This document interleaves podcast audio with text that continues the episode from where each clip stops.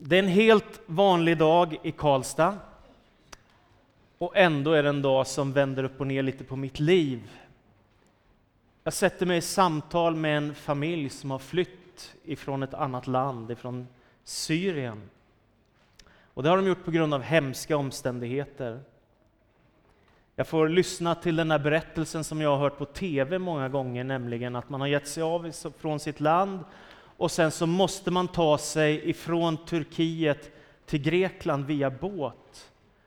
Och det måste man göra genom att betala pengar, för det enda sättet att ta sig in i EU.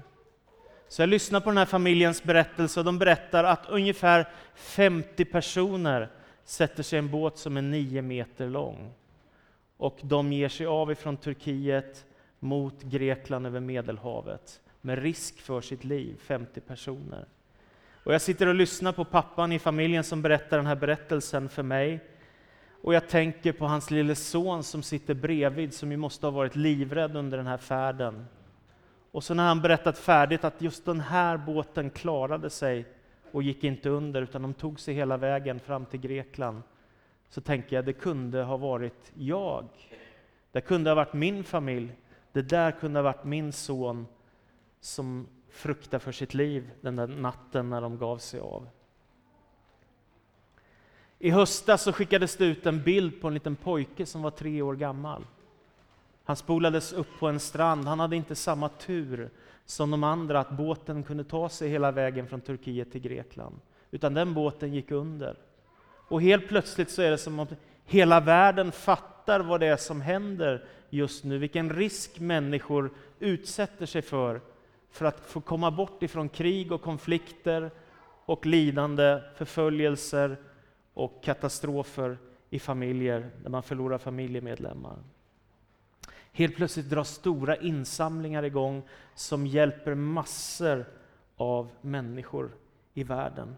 Vilket är helt fantastiskt med den medmänskligheten, den kärleken, den godheten som ju faktiskt den kristna tron också handlar om. Och när jag möter de här berättelserna så är det en särskild bibeltext som blir så superaktuell. Och det är berättelsen som jag faktiskt aldrig har predikat om, när Jesus faktiskt tvingas att fly till Egypten. Har ni tänkt på den berättelsen? En högaktuell berättelse. Det berättas i evangelierna om att Herodes bestämmer sig för att Jesusbarnet ska dödas därför att några stjärntydare har sagt att Jesus är den Messias som har blivit utlovad genom profeterna under, sedan många, många hundra år. Och då bestämmer sig Herodes för att Jesus ska dö. Och därför så tvingas Josef, Maria och det lilla Jesusbarnet att fly ifrån Betlehem ända ner till Egypten. Samma typ av berättelse, bara på en annan tid, på ett annat sätt. Och det märkliga är att det är just detta Jesusbarn som har förändrat världen och världshistorien.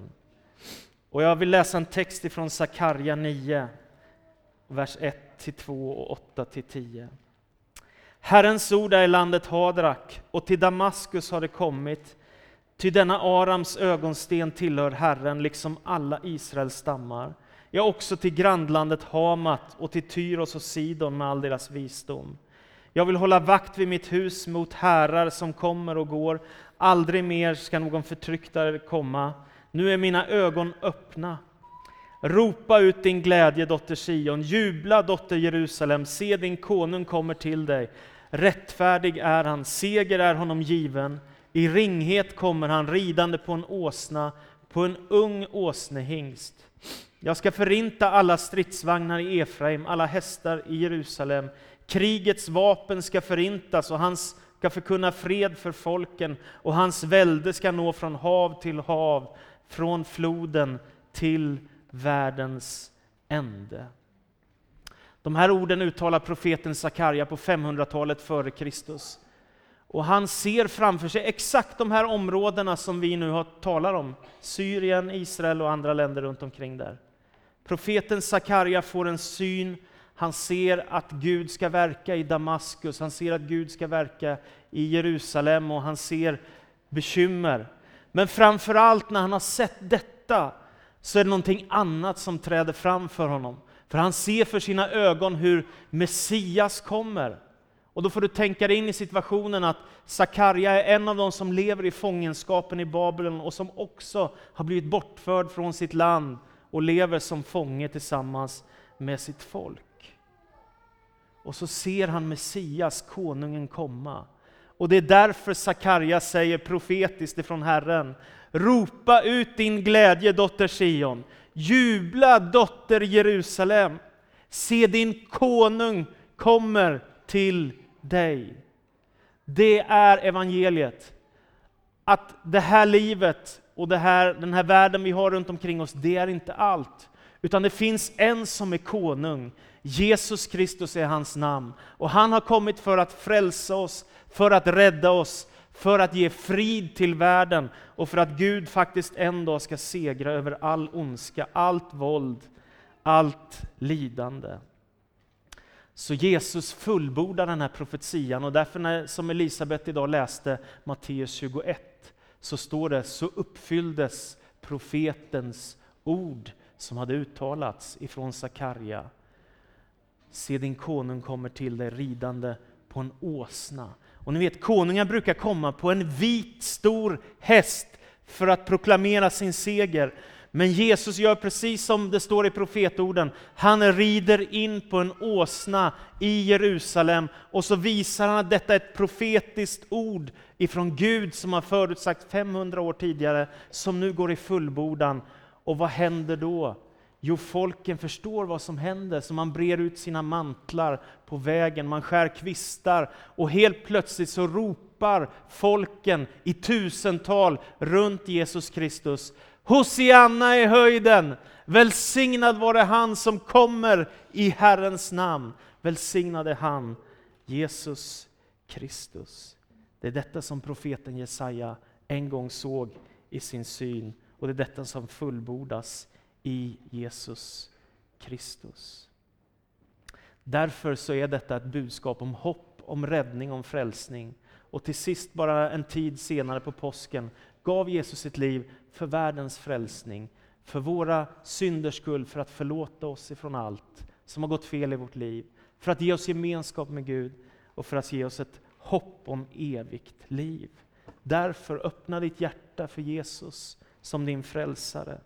Och dessutom så säger Jesus precis efter detta, till sist nu då, att han har ett budskap också som har med de som är utsatta och svaga att göra.